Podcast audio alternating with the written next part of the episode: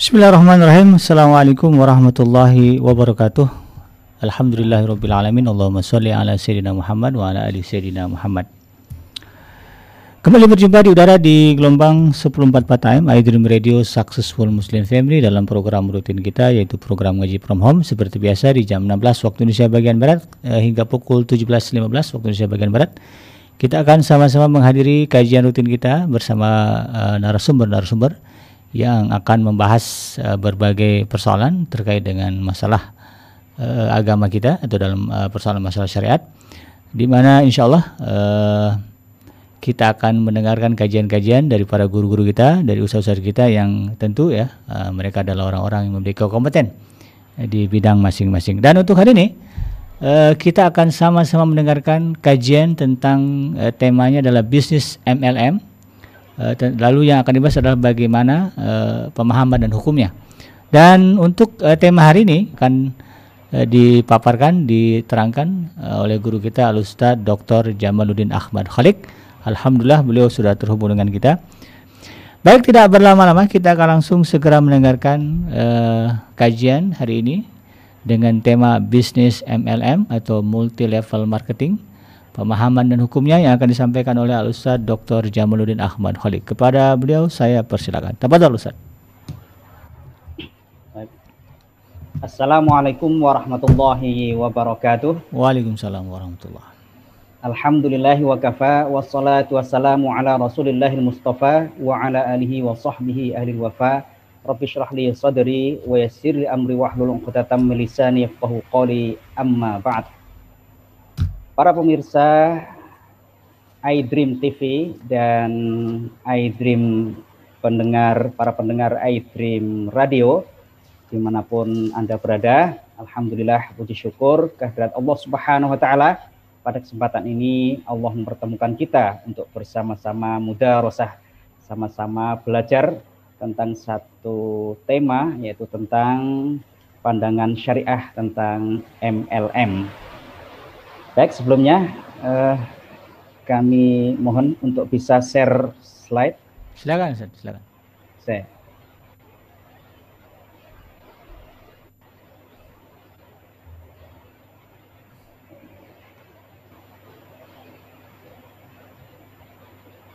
belum bisa ini Ustaz. Uh, di sebentar. Kohoskan dulu. Iya, dia Ustaz, di kohoskan dulu. Baru nanti di share.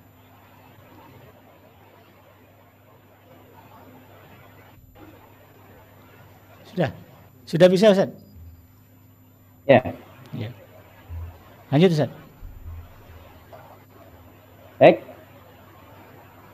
Bapak Ibu dan semua pemirsa dan uh, pendengar radio iDream Radio dan iDream TV yang dimulakan Allah Subhanahu wa taala. Pembahasan tentang bisnis menggunakan sistem MLM ini tentunya merupakan salah satu pembahasan yang barangkali banyak ditanyakan oleh banyak kalangan, banyak orang. Karena memang dalam uh, bidang ekonomi itu merupakan satu bidang yang banyak atau cepat sekali perkembangannya. Cepat sekali perkembangannya sehingga dalam hukum Islam juga memerlukan solusi-solusi istihad istihad para ulama untuk menyikapi memberikan solusi hukum tentang satu bentuk bisnis dalam muamalah tersebut.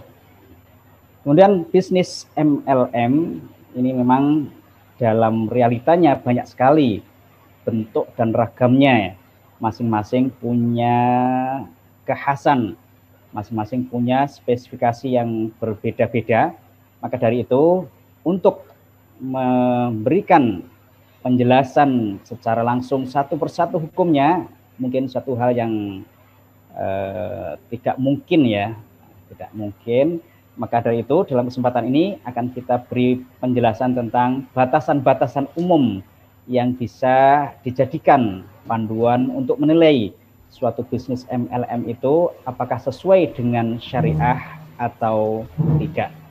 Sehingga diharapkan panduan umum ini bisa dipegang oleh setiap uh, barangkali yang mau uh, berinteraksi dengan bisnis dengan sistem MLM ini.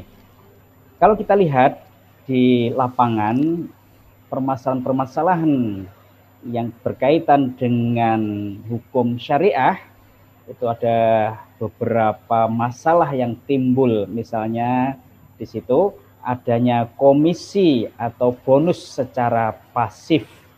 Kemudian adanya ketidakadilan dalam pembagian bonus di antara para anggota.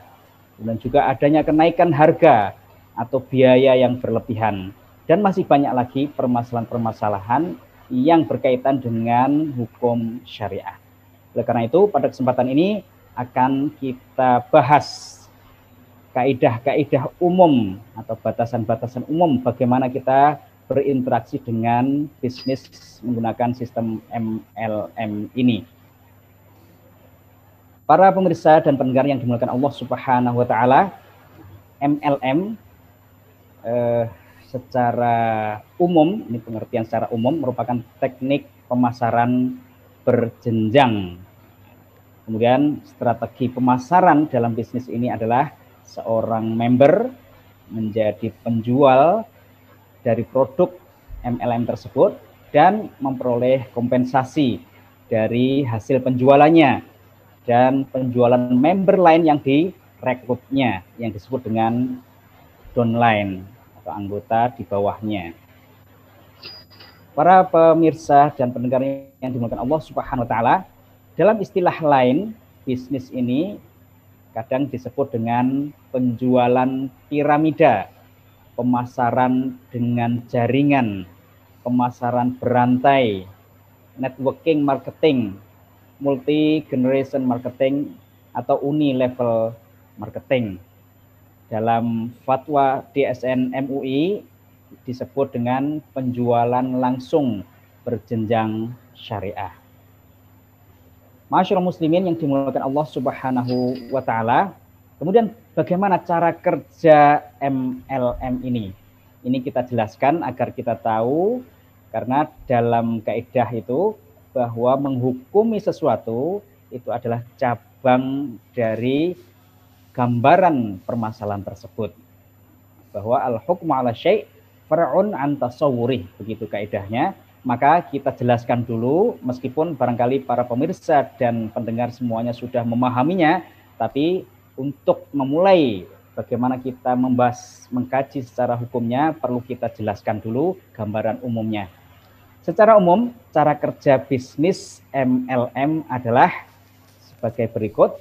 Nah, pertama, pihak perusahaan menjaring konsumen untuk menjadi anggota atau member dengan cara mengharuskan calon konsumen membeli paket produk perusahaan dengan harga tertentu. Kemudian dengan membeli produk, pembeli diberi formulir keanggotaan atau member. Selanjutnya, member itu mencari anggota, anggota baru dengan cara yang sama, yaitu membeli produk perusahaan dan mengisi formulir keanggotaan. Kemudian member baru itu mencari calon anggota baru lagi dengan cara yang sama. Jika seorang member mampu menjaring banyak anggota, dia akan memperoleh bonus dari perusahaan. Karena para member sekaligus menjadi konsumen tetap, maka member pada level pertama, kedua, dan seterusnya mendapatkan bonus secara estafet dari perusahaan karena perusahaan itu diuntungkan dengan adanya member baru yang sekaligus menjadi konsumen tersebut. Ini gambaran secara umum cara kerja bisnis MLM. Barangkali nanti di lapangan ada perubahan-perubahan sedikit dan seterusnya. Nah, itu wajar karena ini eh, secara umum ya. Nanti ada bisa jadi di lapangan ada perbedaan-perbedaan dari satu perusahaan ke perusahaan yang lain juga para pemirsa dan pendengar iDream TV dan iDream Radio yang dimulakan Allah Subhanahu wa taala.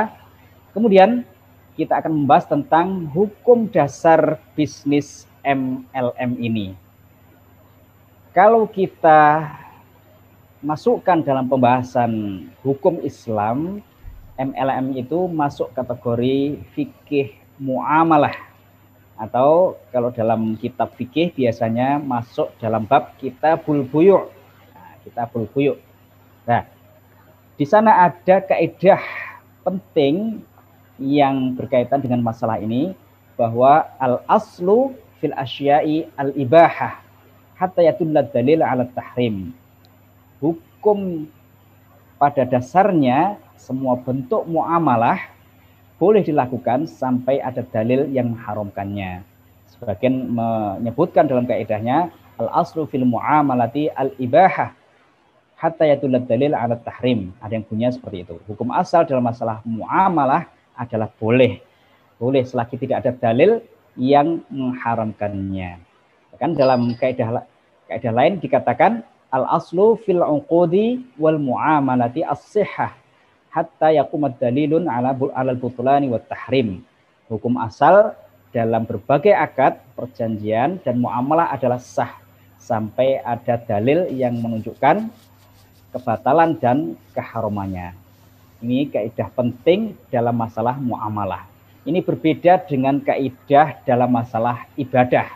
Kalau dalam masalah ibadah, al aslu fil ibadati at-tahrim hatta yadullat dalil ala ibahatiha. Hukum asal dalam masalah ibadah itu kita tidak boleh melakukan suatu ibadah sampai ada dalil yang menunjukkan bolehnya kita melakukan ibadah tersebut. Ini berbeda atau berlawanan dengan kaidah dalam muamalah. Karena dalam muamalah hukum asalnya boleh, kalau dalam ibadah hukum asalnya tidak boleh.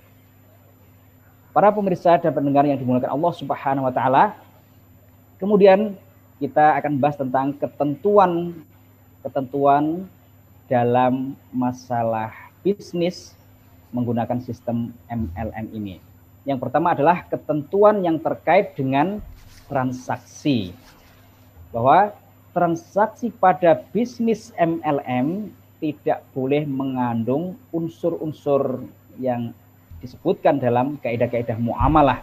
Yang pertama adalah tidak boleh ber tidak boleh ada unsur riba, kemudian tidak boleh ada unsur kemaksiatan, tidak boleh ada unsur kezoliman, tidak boleh ada unsur ketidakpastian atau horor, kemudian ketidakjelasan atau jahalah, kemudian merugikan atau membahayakan doror atau diror, kemudian tidak boleh ada unsur maisir.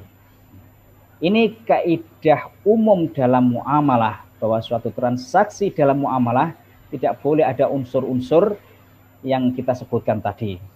Nanti akan kita bahas secara rinci satu persatu dalilnya. Yang pertama, yang berkaitan dengan masalah riba suatu hal yang menjadi aksioma bahwa suatu transaksi dalam muamalah tidak boleh mengandung unsur riba dan riba dalam muamalah secara umum dalam Islam riba itu diharamkan. Karena Allah Subhanahu wa taala secara tegas dalam sebuah ayat berfirman a'udzubillahi minasyaitonirrajim bismillahirrahmanirrahim. Wa ahallallahu al-bai'a wa harramar riba. Allah telah menghalalkan jual beli dan mengharamkan riba. Maka bisnis MLM tidak boleh mengandung unsur riba ini. Karena jelas diharamkan.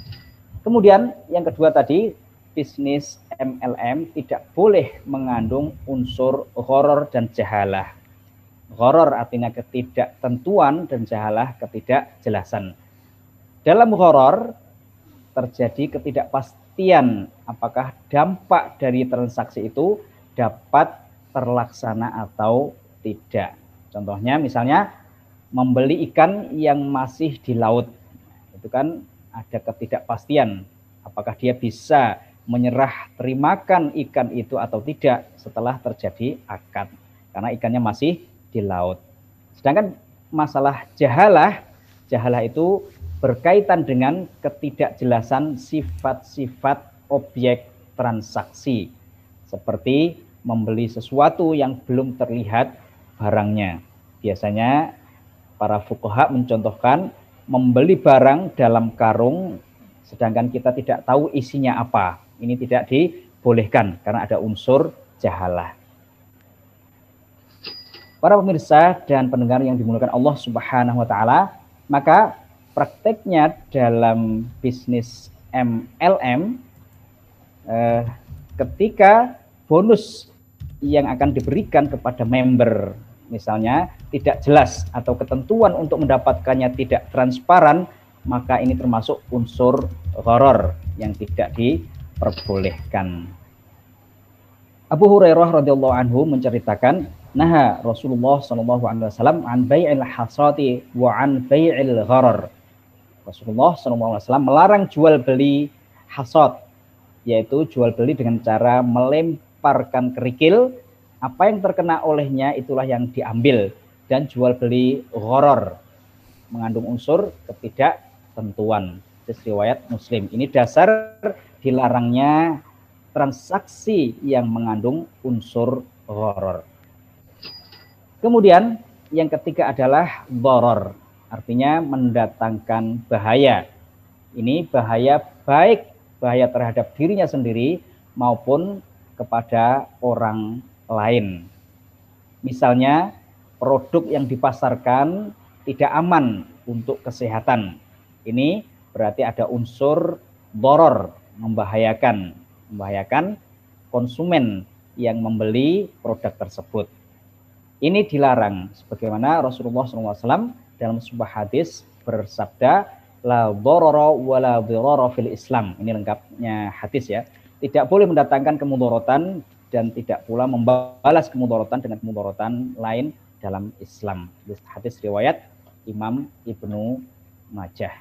Jadi dalam Islam tidak boleh kita melakukan suatu transaksi yang mengakibatkan bahaya baik terhadap diri maupun orang lain. Kalau kita baca kaidah fikih ada di sana ad-dararu yuzal bahwa dalam Islam itu kemadorotan sesuatu yang membahayakan itu harus dihilangkan, harus dihindari. Kemudian yang keempat adalah ada unsur goror dan jahalah. Tadi unsur goror dan jahalah itu membuat suatu transaksi menjadi bernuansa maisir atau perjudian. Nah, jadi ketidaktentuan dan ketidakjelasan mengenai ketentuan dalam pemberian komisi membuat suatu pekerjaan menjadi spekulatif. Nah, spekulasi di sini inilah unsur adanya unsur spekulasi, spekulasi ini ini unsur maisirnya atau perjudiannya. Maka tidak boleh dalam Islam. Karena dalam sebuah ayat Allah Subhanahu wa taala berfirman, A'udzu billahi minasyaitonir rajim. Bismillahirrahmanirrahim. Ya ayyuhalladzina amanu innamal khamru wal maisiru wal ansabu wal azlamu rijsum min amali syaitani fajtanibuhu la'allakum tuflihun. Wahai orang-orang yang beriman, Sesungguhnya minuman keras, berjudi, berkorban untuk berhala, dan mengundi nasib dengan anak panah adalah perbuatan keji dan termasuk perbuatan setan. Maka jauhilah perbuatan-perbuatan itu agar kamu beruntung. Surat Al-Maidah ayat 90. Jadi homer, maisir, maisir perjudian itu dilarang dalam Islam. Makanya bisnis MLM tidak boleh mengandung unsur maisir atau perjudian ini. Kemudian berikutnya semua jenis transaksi yang mengandung zulm atau kezoliman, kemaksiatan dan kebatilan adalah perbuatan yang terlarang. Makanya bisnis MLM tidak boleh mengandung unsur-unsur ini. Sebagaimana Allah Subhanahu wa taala berfirman, A'udzu billahi minasyaitonir rajim. Bismillahirrahmanirrahim. Ya ayyuhalladzina amanu la ta'kulu amwalakum bainakum bil batili illa an takuna tijaratan an taradim minkum. Wahai orang-orang yang beriman, janganlah kamu memakan harta sesamamu dengan cara yang batil, tidak benar, kecuali berupa perniagaan atas dasar suka sama suka di antara kamu. Surat An-Nisa ayat 29.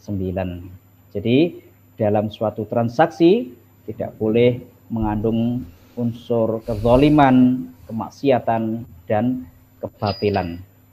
Menurut Imam Ibnu Al-Arabi, ayat ini merupakan salah satu kaidah dalam muamalat dan merupakan dasar bagi transaksi barter atau tukar menukar. Dan juga dalam ayat lain Allah Subhanahu wa taala berfirman, A'udzubillahi. Bismillahirrahmanirrahim.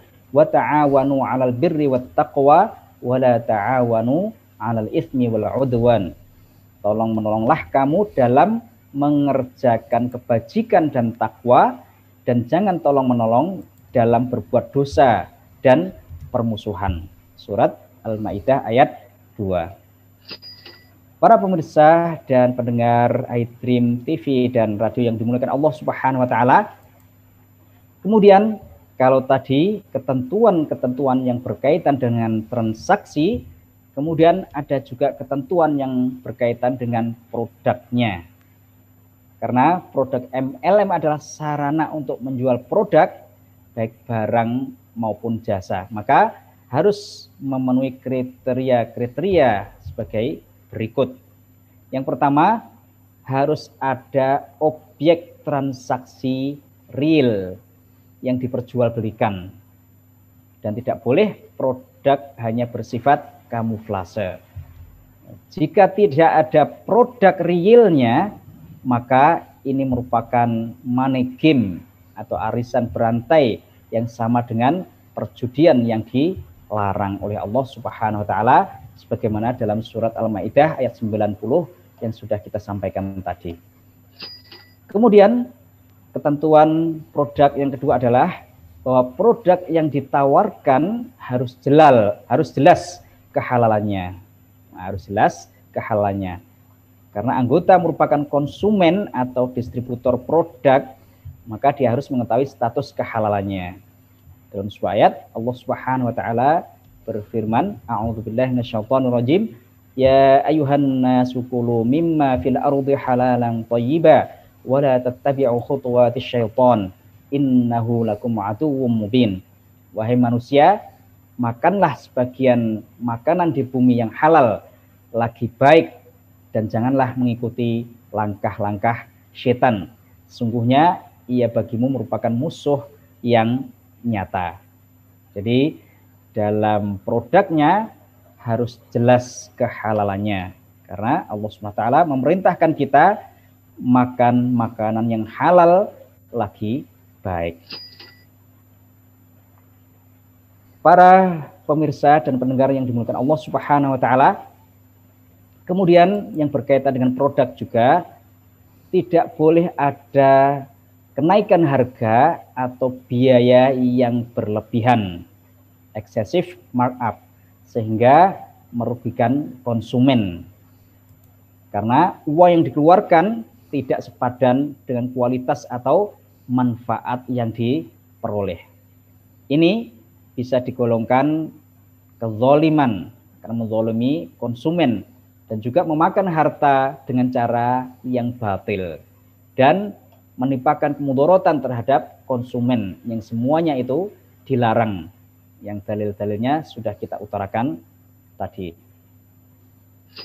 Para pemirsa dan pendengar yang dimuliakan Allah Subhanahu wa taala, kemudian berikutnya adalah ketentuan yang terkait dengan jaringan. Ciri khas bisnis MLM adalah sistem jaringannya.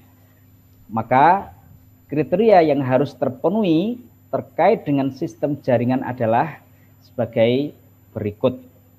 Yang pertama, harus ada transparansi dalam penentuan biaya keanggotaan dan alokasinya dapat dipertanggungjawabkan. Jadi penetapan biaya pendaftaran anggota yang tinggi tanpa adanya kompensasi yang didapat oleh anggota baru yang sebanding dengan biaya tersebut bisa menjadi indikator bahwa perusahaan itu mengambil sesuatu tanpa hak. Ini jelas bahwa makan harta orang lain tanpa hak itu dilarang dalam Islam. Maka harus ada transparansi dalam penentuan biaya keanggotaan dan alokasinya dapat dipertanggungjawabkan. Kemudian yang berkaitan dengan jaringan juga yaitu harus ada transparansi peningkatan jenjang keanggotaan pada setiap level dan persamaan kesempatan untuk berhasil. Jadi harus ada transparansi ketika seseorang itu bisa menjadi direktur atau apa gitu. Masing-masing perusahaan punya nama jenjang ya. Ada direktur, ada LED, LC dan macam-macam ya. Nanti beda-beda satu dengan yang lainnya. Maka dalam peningkatan jenjang keanggotaan harus ada transparansinya. Jadi seseorang itu naik karena apa misalnya? Dia naik karena misalnya punya kaki lima misalnya atau empat atau kemudian masing-masing punya kaki lagi lima lima misalnya. Ini contohnya. Jadi harus ada kejelasan, transparansi, peningkatan jenjang keanggotaan itu. Jadi seorang itu naik itu patokannya seperti apa? Harus ada kejelasan. Nah, jadi memang peningkatan posisi ini suatu hal yang lumrah ya ketik setiap profesi ada boleh seseorang itu seperti halnya misalnya dalam suatu perusahaan ketika menaikkan eh, pangkat seseorang menjadi pangkat yang lebih tinggi itu suatu hal yang lumrah sebagaimana dalam pegawai negeri misalnya ada juga jenjang-jenjang kepangkatan. Nah, tapi harus ada transparansi dalam uh, peningkatan jenjang keanggotaan tersebut dan tidak boleh ada yang dizolimi tidak boleh menzolim pihak yang ada di bawahnya, setingkat atau di atasnya. Jadi nggak boleh ada unsur kezoliman. Harus harus transaks, transparan, kemudian tidak boleh ada unsur kezoliman. Kemudian ketentuan yang terkait dengan jaringan berikutnya adalah bahwa hak dan kesempatan yang diperoleh harus sesuai dengan prestasi kerja anggota. Jadi hak dan kesempatan yang diperoleh seorang anggota harus sesuai dengan prestasi kerja yang dia lakukan. Karena dalam sebuah kaidah dikatakan, kaidah fikih, as-sawabu ala qadril masyaqqah. Kompensasi diberikan sesuai dengan tingkat kesulitan atau kesungguhan kerja. Dalam kaidah lain disebutkan dengan ibarah lain, al-ajru ala qadril masyaqqah bahwa upah atau kompensasi itu diberikan sesuai dengan tingkat kesulitan yang dilakukan oleh seseorang. Kemudian yang berkaitan dengan masalah jaringan juga bahwa anggota biasanya mendapatkan untung dari penjualan yang dilakukan oleh dirinya dan don lainnya keuntungan yang diperoleh dari hasil penjualannya sendiri adalah hal yang lumrah. Kalau orang jual beli kemudian dapat untung itu kan suatu yang wajar. Nah, sementara itu prosentase keuntungan dari usaha don lainnya nah itu bagaimana hukumnya? Ini dibolehkan tapi sesuai dengan perjanjian yang disepakati selama tidak terjadi kezaliman. Nah, jadi dibolehkan Misalnya seseorang banyak merekrut downline, kemudian dia juga mendapatkan persentase keuntungan dari grup nah, yang dia rekrut di bawahnya itu, maka ini diperbolehkan sesuai dengan perjanjian yang disepakati dalam sebuah perusahaan tersebut selama tidak terjadi kezaliman. Karena dalam sebuah hadis dikatakan wal muslimuna ala syurutihim illa syarton harrama halalan au ahalla haraman. Kaum muslimin terikat oleh syarat-syaratnya kecuali syarat yang mengharamkan perkara yang halal atau menghalalkan perkara yang haram. Jadi selagi itu disepakati bersama dan tidak menghalalkan yang haram atau mengharamkan yang halal, maka syarat itu dibolehkan. Misalnya selagi seorang upline kemudian dia rajin membina bawahannya, memberi motivasi sehingga bawahannya dan lainnya mendapat rekrutmen yang banyak juga, bisa merekrut anggota baru yang banyak juga. Kemudian upline ini mendapat kompensasi, mendapatkan upah atau bonus dari keuntungan downline-nya, maka ini diperbolehkan selagi disepakati dalam sebuah perusahaan. Kemudian yang berkaitan dengan jaringan juga bahwa setiap setiap pihak yang melakukan rekrutmen anggota wajib melakukan pembinaan dan pengawasan terhadap anggota yang direkrutnya. Ini dalam rangka agar seseorang tidak mendapatkan bonus tanpa dia melakukan sesuatu. Maka upline dia berhak mendapatkan bonus kalau dia melakukan pembinaan, memberi motivasi, memberikan training-training kepada downline-nya dan grup yang di bawahnya dan juga melakukan pengawasan terhadap anggota-anggota yang direkrutnya sehingga mereka juga berhasil, sukses dan seterusnya. Ini dalam rangka untuk menghindari pendapatan yang didapatkan tanpa melakukan sesuatu. Kemudian berikutnya adalah sistem perekrutan keanggotaan, bentuk penghargaan, dan acara seremonial yang dilakukan tidak boleh dengan cara-cara yang bertentangan dengan akidah syariah dan akhlak mulia. Jadi semua aktivitas-aktivitas bisnis MLM itu baik itu dalam perekrutan, dalam memberi penghargaan, dalam acara-acara seremonial yang dilakukan, misalnya seminar-seminar, pelatihan-pelatihan, tidak boleh ada hal-hal yang bertentangan dengan masalah akidah, dengan syariah, dan akhlak mulia. Misalnya seperti perbuatan syirik, kultus, maksiat, dan lain-lain. Nah, jadi tidak boleh ada unsur-unsur itu sehingga MLM-nya terbebas dari hal-hal yang dilarang baik secara akidah, syariah maupun akhlak. Para pemirsa dan pendengar yang dimulakan Allah Subhanahu wa taala, kemudian berikutnya adalah ketentuan yang berkaitan dengan bonus atau komisi. Yang berkaitan dengan bonus atau komisi ini yang pertama adalah komisi yang diberikan oleh perusahaan kepada anggota baik besaran maupun bentuknya harus berdasarkan pada prestasi kerja nyata yang terkait langsung dengan volume atau nilai hasil penjualan barang atau jasa.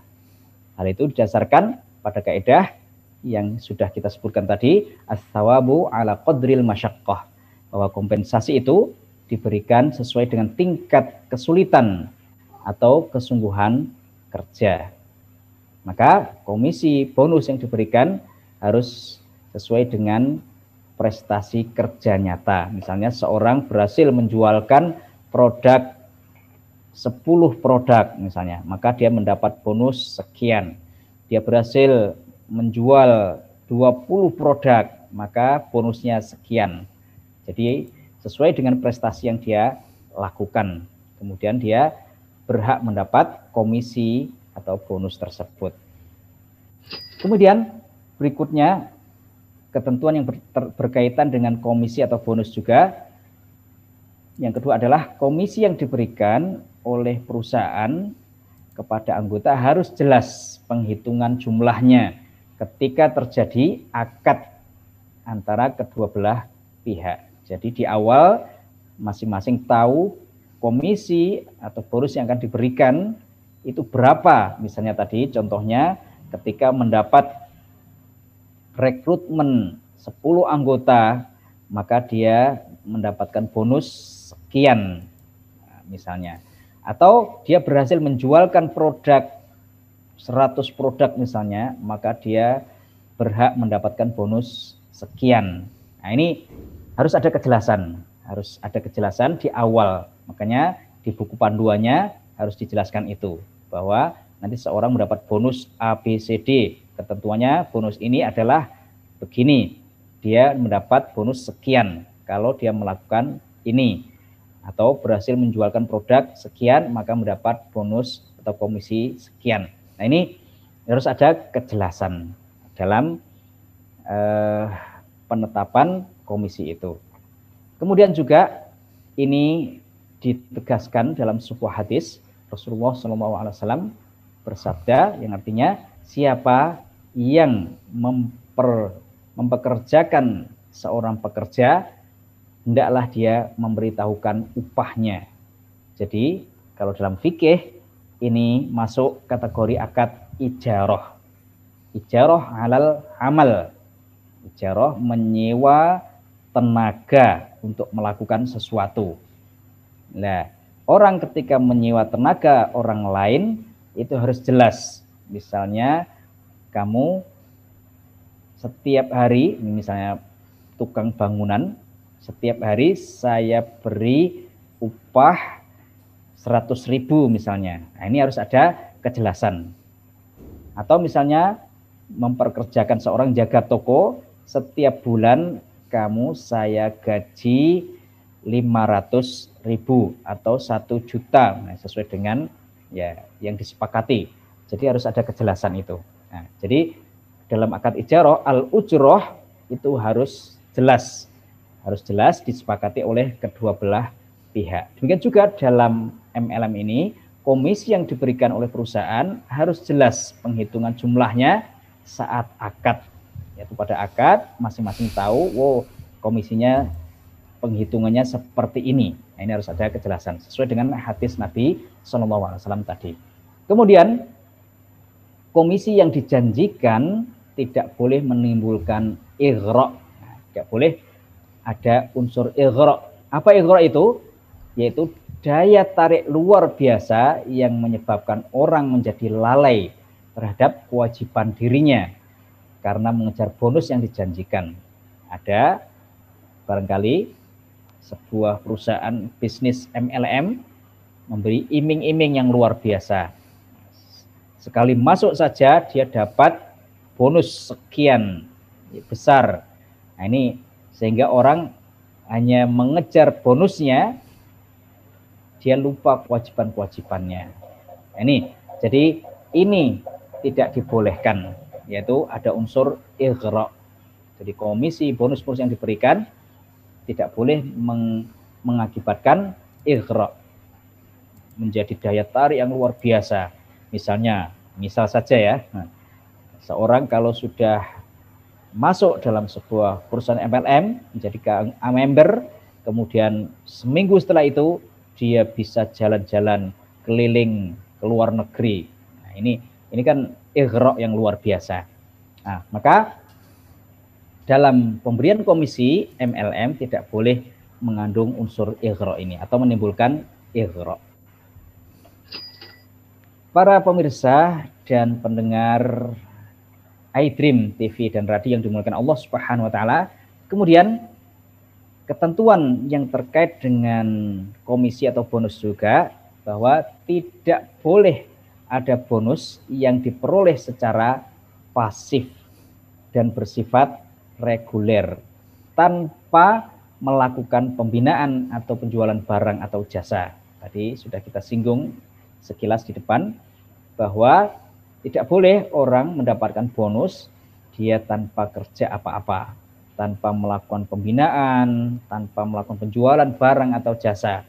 Tapi dia setiap uh, waktu, misalnya per bulan mendapat bonus yang besar sekian, padahal dia tidak melakukan apa-apa. Ini tidak dibolehkan. Makanya di antara ketentuannya tadi bahwa seorang upline harus melakukan pembinaan atau pengawasan anggota yang direkrutnya itu dalam rangka menghindari ini, menghindari apa pemasukan yang pasif atau bonus yang diperoleh secara pasif. Sehingga seorang upline perlu senantiasa memberi motivasi, melakukan training-training, pengawasan dan seterusnya. Ini menghindari masalah ini. Kemudian berikutnya adalah tidak boleh ada eksploitasi dan ketidakadilan dalam pembagian bonus. Tidak boleh ada eksploitasi dan juga ketidakadilan dalam pembagian bonus antara anggota pertama dengan anggota berikutnya. Dalam sebuah ayat Allah Subhanahu wa taala berfirman, A'udzu billahi minasyaitonir rajim. Innallaha ya'muru bil adli wal ihsan. Sesungguhnya Allah menyuruh berlaku adil dan berbuat kebajikan. Surat An-Nahl ayat 90. Jadi Allah Subhanahu wa taala memerintahkan kita untuk berbuat adil dan berbuat kebajikan. Kalau kita belajar usul fikih bahwa ketika ada perintah dalam ayat maupun hadis itu menunjukkan perintah itu artinya adalah wajib dikerjakan oleh kaum muslimin. Karena dalam kaidahnya al aslu fil amri lil wujub bahwa ketika ada perintah hukum asalnya adalah menunjukkan wajib kecuali nanti ada indikator-indikator lain yang menunjukkan bahwa perintah itu tidak wajib. Tapi ketika tidak ada indikator lain, maka perintah itu otomatis merupakan kewajiban. Dan juga Allah di sini memerintahkan kita berbuat berlaku adil. Maka ini hukumnya adalah wajib. Maka tidak boleh dalam masalah komisi, dalam masalah bonus, itu ada ketidakadilan antara anggota pertama dengan anggota berikutnya. Kemudian para pemirsa dan pendengar yang dimuliakan Allah Subhanahu wa taala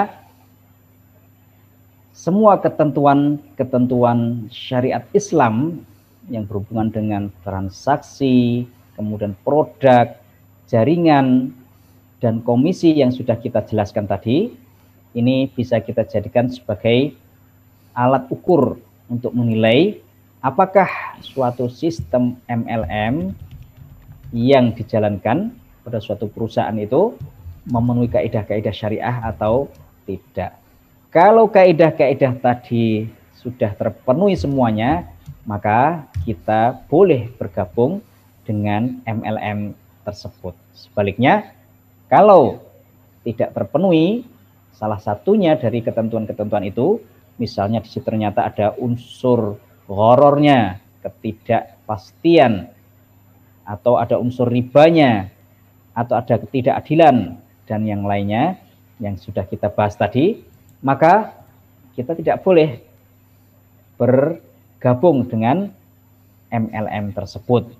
Karena ketika ada salah satu unsur saja dalam ketentuan-ketentuan yang sudah kita jelaskan tadi tidak terpenuhi, maka berarti ini melanggar syariat. Kalau melanggar syariat, maka tidak boleh kita bergabung dengan MLM tersebut.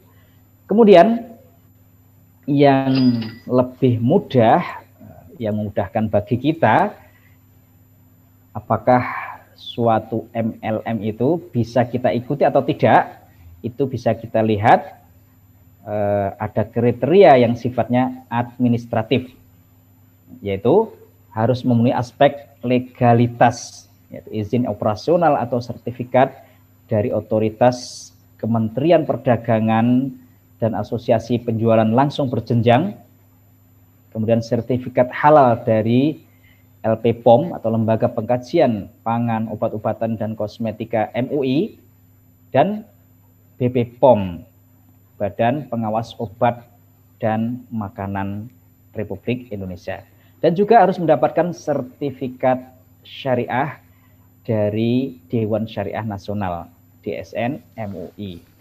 Jadi kalau eh, LP POM itu berkaitan dengan masalah kehalalan produknya, kemudian kalau sertifikat dari DSN itu berkaitan dengan transaksi-transaksinya.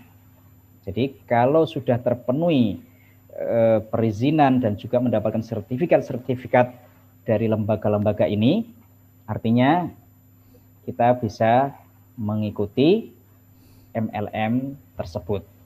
Jadi kita kalau kita sulit me, mengecek satu persatu dari ketentuan-ketentuan yang sudah kita bahas tadi, nah, mudahnya kita cek saja apakah sudah punya perizinan dari kementerian dan lembaga-lembaga terkait tadi dan juga sertifikat halal maupun sertifikat eh, dari DSN MUI. Nah, itu kita cek saja. Kalau sudah ada semuanya, berarti ini aman. Artinya kita bisa mengikuti bisnis MLM tersebut. Tapi kalau tidak terpenuhi dari perizinan dan sertifikat-sertifikat tadi itu tidak ada, misalnya tidak dapat sertifikat syariah dari Dewan Syariah Nasional, nah, berarti ini ada masalah. Bisa jadi ada masalah dalam masalah transaksinya. Atau tidak mendapatkan sertifikat dari LP POM MUI, oh, berarti ini ada masalah dari kehalalan produknya atau dari eh, perizinan dari otoritas tadi itu kementerian dan juga eh, dari badan eh, BP POM tadi itu nah, maka berarti ini ada masalah dalam perizinannya nah, maka dari itu gampangnya kita lihat apakah sudah terpenuhi semua atau belum Eh, legalitas ini kalau sudah berarti kita bisa bergabung. Kalau tidak mungkin kita hati-hati bisa jadi ada masalah baik secara hukum syar'inya maupun perizinan secara negaranya. Para pemirsa dan pendengar iDream TV dan iDream Radio yang dimulakan Allah Subhanahu wa taala, barangkali itu yang bisa saya sampaikan sebagai buka dalam diskusi kita mudah-mudahan bisa dipahami dan bermanfaat. Wabillahi taufiq. Wassalamualaikum warahmatullahi wabarakatuh. Waalaikumsalam warahmatullahi wabarakatuh. Kita ucapkan eh, jazakumullah kepada Ustadz eh, Dr. Jamaluddin Ahmad Khalid yang sudah menyampaikan materi terkait dengan bisnis MLM ya atau bisnis multi level marketing atau bisnis uh, penjualan berjenjang. Ya. uh, bahasa lainnya direct selling kalau nggak salah. Ya. Iya direct selling ya. Iya penjualan langsung. Uh, mudah-mudahan apa yang beliau sampaikan tadi bisa kita pahami sehingga ada gambaran di dalam uh, benak kita tentang bisnis MLM ya. Mungkin ada di antara sahabat Edream yang ragu melangkah ya. Sudah sempat ditawari tapi ragu melangkah terkait dengan uh, status uh, dari sisi pandangan syariah ya terkait dengan bisnis uh, eh, multi level marketing ini. Uh, mudah-mudahan tadi bisa menjadi awal yang bagus ya. Atau setidaknya ada pertimbangan-pertimbangan yang kemudian bisa dilakukan untuk memutuskan apakah akan bergabung atau tidak dengan uh, sebuah uh, perusahaan MLM. Baik sahabat Adrim yang dirahmati Allah di mana pun Anda berada, ada waktu kurang lebih 20 menit ke depan bagi Anda yang ingin menyampaikan persoalan atau pertanyaan kepada guru kita, Ustaz Dr. Jamaluddin Ahmad Khalid terkait dengan materi hari ini yaitu eh, bisnis MLM. Silakan disampaikan bisa melalui nomor WhatsApp di 0822 9881044 atau juga boleh langsung bertanya di kolom komentar untuk nanti saya sampaikan kepada guru kita. Jangan lupa untuk menekan tombol like dan juga subscribe ya. Mudah-mudahan jadi amal jariah bagi Anda semuanya. Baik Ustaz, sambil menunggu pertanyaan dari jemaah. Uh, mungkin kita bisa mengawali dengan uh, ngobrol dulu Ustaz ya. Ini terkait keberadaan perusahaan-perusahaan MLM yang populer di Indonesia. Kalau saya lihat di internet Ustaz, perusahaan-perusahaan yang populer ini katanya sih ada delapan ya yang produknya begitu dikenal di e, masyarakat kita dari mulai produk kecantikan peralatan rumah tangga ya nah umumnya nih Zed kalau saya lihat e, perusahaan-perusahaan MLM yang ada di Indonesia yang terkenal gitu yang pengikut eh, yang jumlah downline-nya banyak ya, atau anggota membernya banyak ini perusahaan-perusahaan dari negara luar. Yang boleh dikatakan uh, mungkin ya pengasasnya atau pendirinya adalah non muslim dan fenomenanya saya lihat mm, banyak orang kaum muslimin gitu Ustaz yang terlibat di dalamnya memajukan MLM ini. Dari sudut uh, pandangan syariah seperti apa Ustaz? Apakah ini tidak kemudian masuk ke, ke dalam kategori uh, apa namanya? membantu atau mensufat ya orang-orang yang katakanlah non muslim gitu kan. Padahal kan ada garisan juga kan di dalam Islam. Uh, jangan uh, menolong atau membantu uh, ya di dalam kekafiran gitu Ustaz. Nah, kira-kira seperti apa Ustaz? Ya.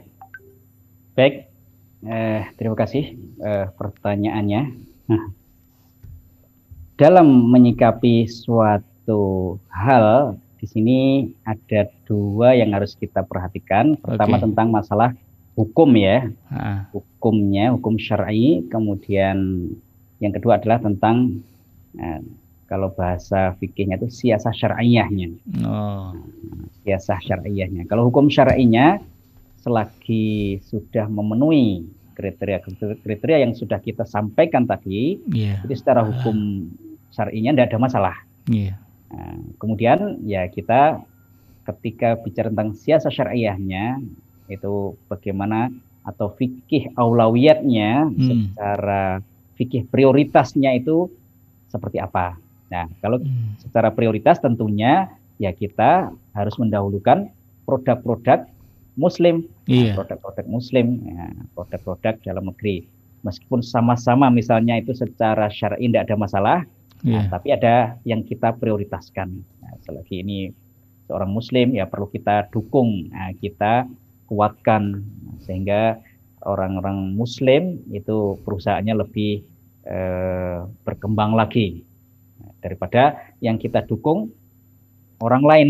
Iya. Yeah uh, dari luar apalagi misalnya oh ternyata itu uh, nanti penggunaannya hasil hasil iya, keuntungannya betul. kita tidak tahu untuk apa nah hmm.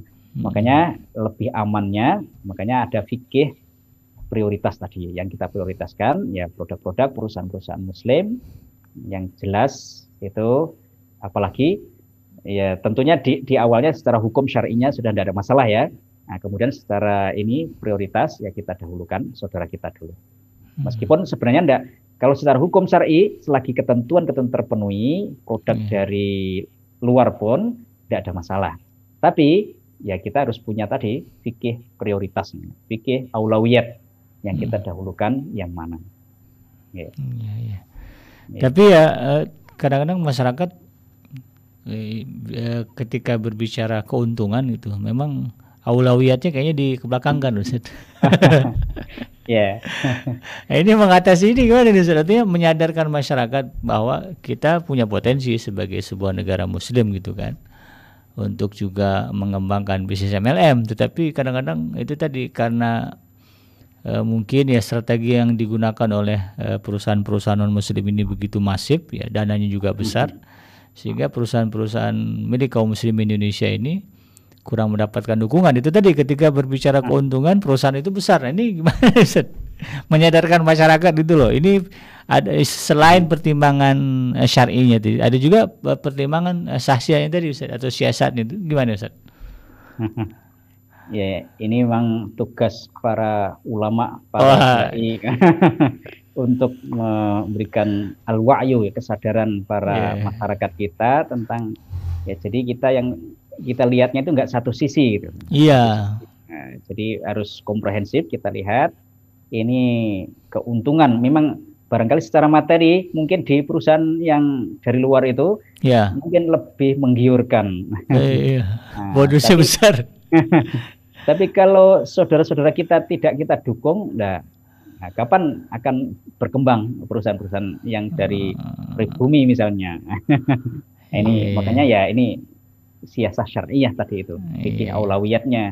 Ya, ya tugas kita bersama-sama bagaimana menyadarkan saudara-saudara kita, bagaimana untuk uh, cinta produk dalam negeri, nah, misalnya begitu, uh, produk uh, muslimin sendiri sehingga kita membesarkan perusahaan-perusahaaan saudara kita.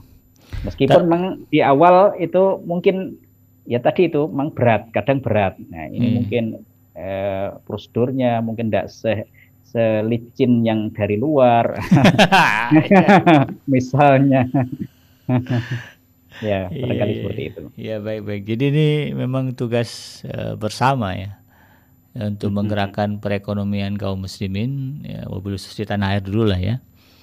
Uh, ya ya pastilah namanya tantangan itu ada. Ya mudah-mudahan ini juga menyadarkan kita sahabat Edream terutama yang ingin berkecimpung dalam dunia uh, multi level marketing ya. Jadi seperti yang Ustaz katakan tadi tidak hanya masalah fikihnya halal haramnya tetapi juga ke apa ke prioritasnya harus kita lihat prioritas. Ya, sehingga uh, nilainya juga jadi nilai ibadah 100% begitu kan. Hmm. Mendapat keuntungan, mendapatkan juga keriduan dari Allah Subhanahu wa taala. Kalau berbicara uh, kondisi MLM sekarang yang ada di tanah air Ustaz, sebagai orang awam saya pribadi mungkin ingin bertanya lah, sebetulnya ada nggak sih MLM syariah di Indonesia? Hmm. Ya, untuk melihat itu, saya kira tadi dilihat saja eh, apakah perusahaan itu sudah mendapatkan sertifikat dari otoritas-otoritas tadi, terutama yang DSN, kemudian hmm. BP POM, eh, LP POM MUI. Nah ini itu bisa kita lihat di websitenya DSN itu bisa dilihat DSN. perusahaan mana yang sudah mendapatkan sertifikat dari DSN dan juga LP POM MUI.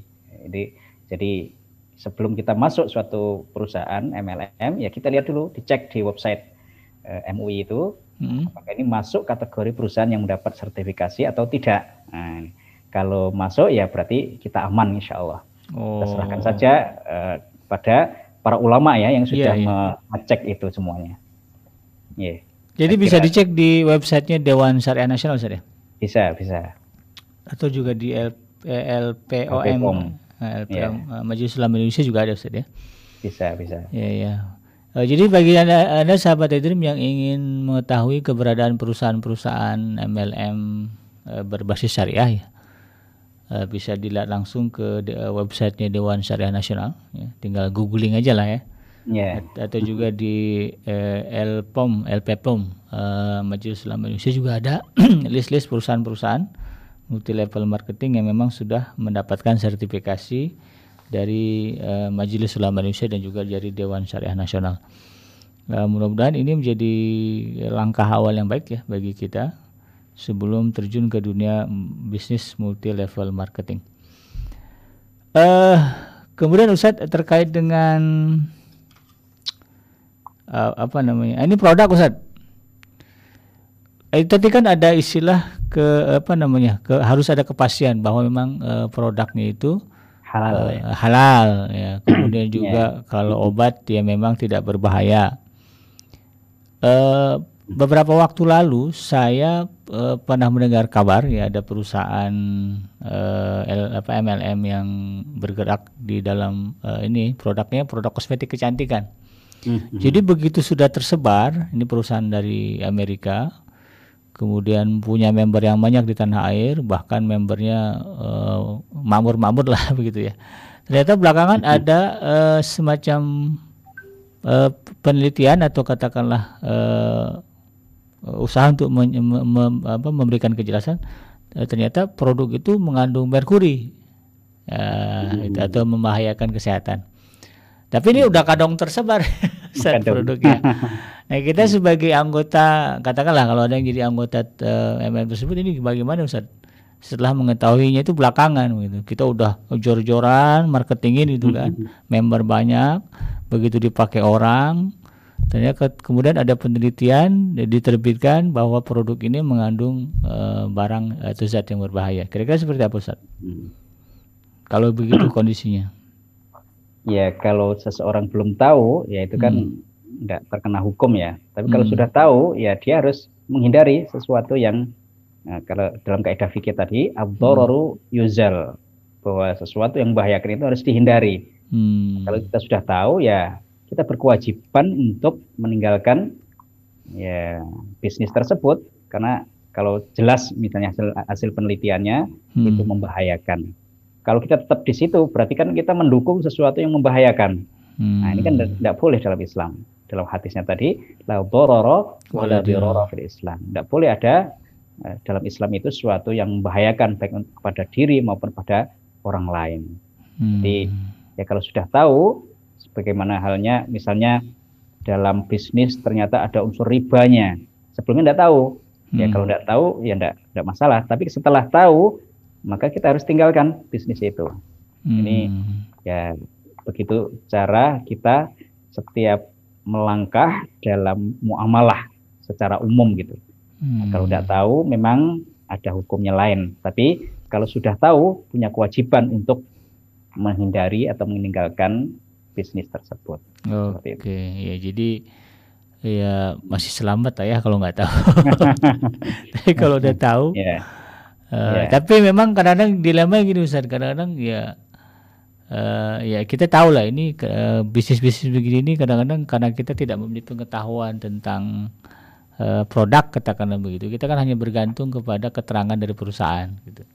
Nah di satu mm -hmm. sisi ada nggak Ustaz kewajiban apa ada penekanan nggak dari uh, dalam hal ini lembaga yang mengawasi seperti Majelis Ulama Indonesia atau juga mungkin BPOM atau Dewan Syariah Nasional uh, terutama uh, BPOM deh misalnya untuk hmm. kemudian memastikan bahwa produk-produk yang beredar di tanah air ini terutama yang kaitannya adalah konsumsi seperti makanan, obat ini harus lepas dulu itu Ustaz. Maksudnya harus melewati ini dulu lembaga ini. Kalau misalnya tidak ini nggak boleh beredar di tanah air. Ini gimana Ustaz?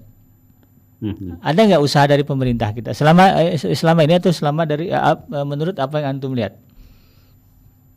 Iya, kalau pemerintah tadi kan masalah kaitan dengan perizinan tadi ya, oh, iya. perizinan iya. Kementerian Perdagangan, kemudian asosiasi eh, tentang apa berjenjang bisnis berjenjang tadi itu, yeah. berjenjang. Nah, itu kalau pemerintah kan lewat itu memberi izin atau tidak. Nah, hmm. Nah, kalau perusahaan tidak memenuhi syarat-syarat yang ada dalam kementerian itu dan asosiasi penjualan berjenjang itu, ya ya berarti ada masalah, ada masalah di situ.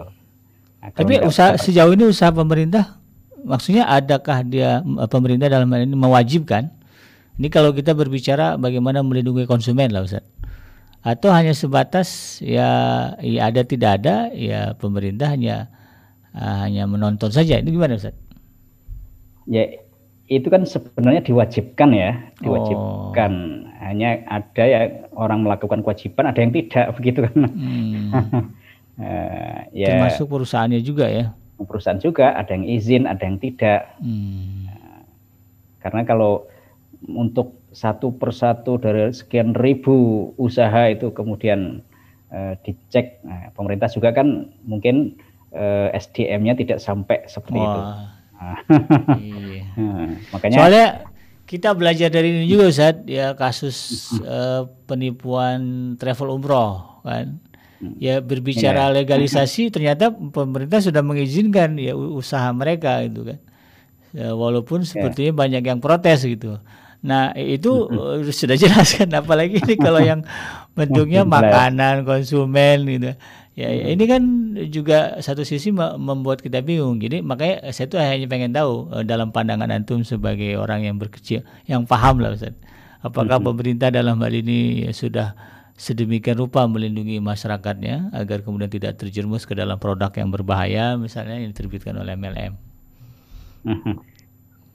Sebenarnya sudah ada usaha-usaha, hanya ah. saja ya ya tadi bisa jadi karena terlalu banyaknya ya. Demikian ah. juga sertifikasi dari MUI itu juga hmm. kan kadang di tengah jalan itu bisa jadi ditarik karena ada penyimpangan-penyimpangan. Oh, Demikian iya. juga izin pemerintah kan begitu juga. Hmm. Jadi waktu izin diperbaiki, oh, semuanya memenuhi persyaratan, tapi setelah itu uh, menyimpang kan ada juga begitu. Yeah. Juga sertifikasi halal, kemudian masalah transaksi DSN itu, itu juga bisa jadi waktu melaporkan hmm halal ya boleh halal way tapi ternyata di pertengahan jalan okay. ada yang menyimpang nah kalau ketahuan itu kan bisa dicabut sama yeah. MUI ada beberapa perusahaan misalnya yang dicabut ininya sertifikat, sertifikat MUI-nya nah hmm. itu karena ketahuan ada temuan oh ternyata ada penyimpangan padahal sudah mendapat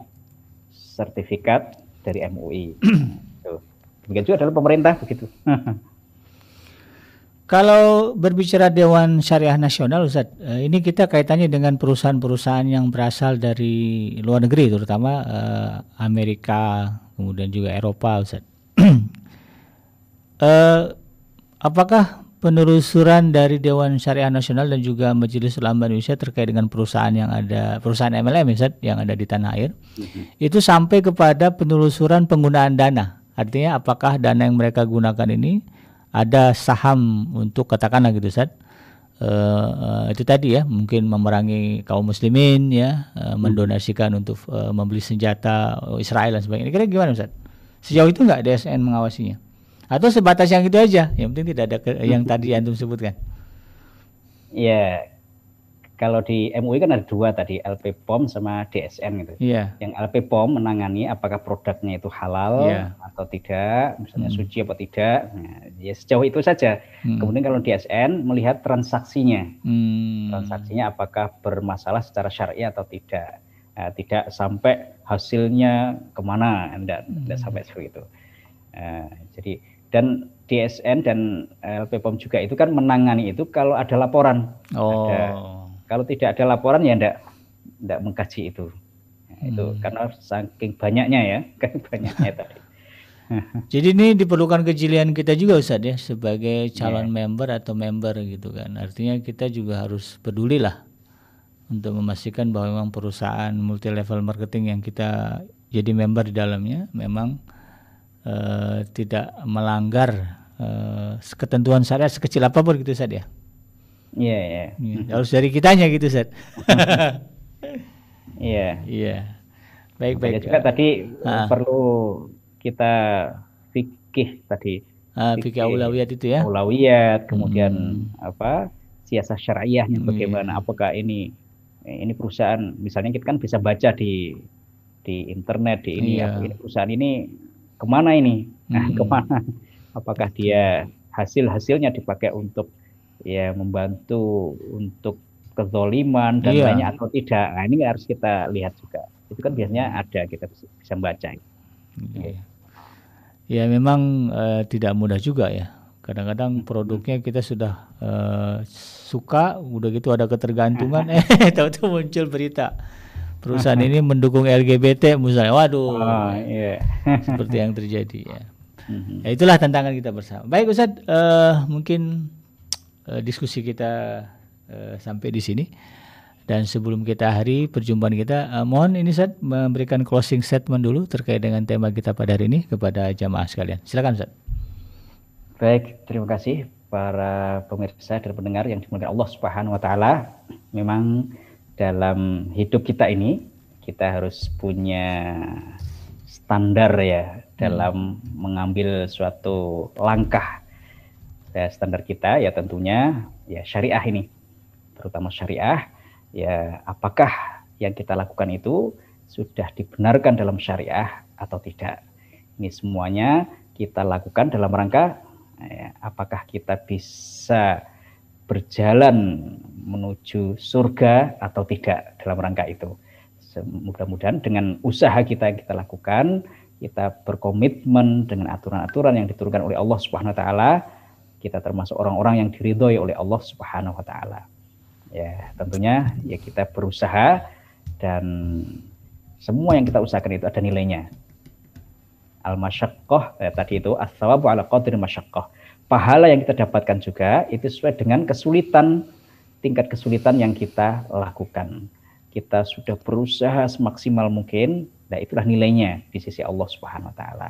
Dalam berusaha me mencari jalan yang halal itu juga harus kita lakukan dengan maksimal sehingga kita mendapat nilai juga pahala di sisi Allah Subhanahu wa taala. Dan kita berdoa, terus berdoa, berusaha berkonsultasi dengan para ulama, para ustadz yang memahami itu sehingga kita bisa alas sirat al-mustaqim berjalan di jalan yang lurus.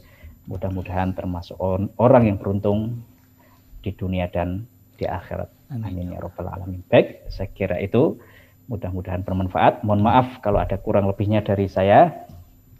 Wal Allah wal afu minkum wa jazakumullahu khairan. Wassalamualaikum warahmatullahi wabarakatuh. Waalaikumsalam warahmatullahi wabarakatuh. Sekali lagi kita ucapkan jazakumullah kepada Ustaz Dr. Jamaluddin Ahmad Khalik yang sudah uh, memberikan materi terkait uh, dengan bisnis MLM dan hukumnya. Mudah-mudahan ini bisa menjadi uh, ilmu bagi kita semuanya. Baik sahabat Edrim yang dirahmati Allah di mana pun Anda berada, tuntas sudah kebersamaan kita di petang hari ini dalam program Ngaji From Home.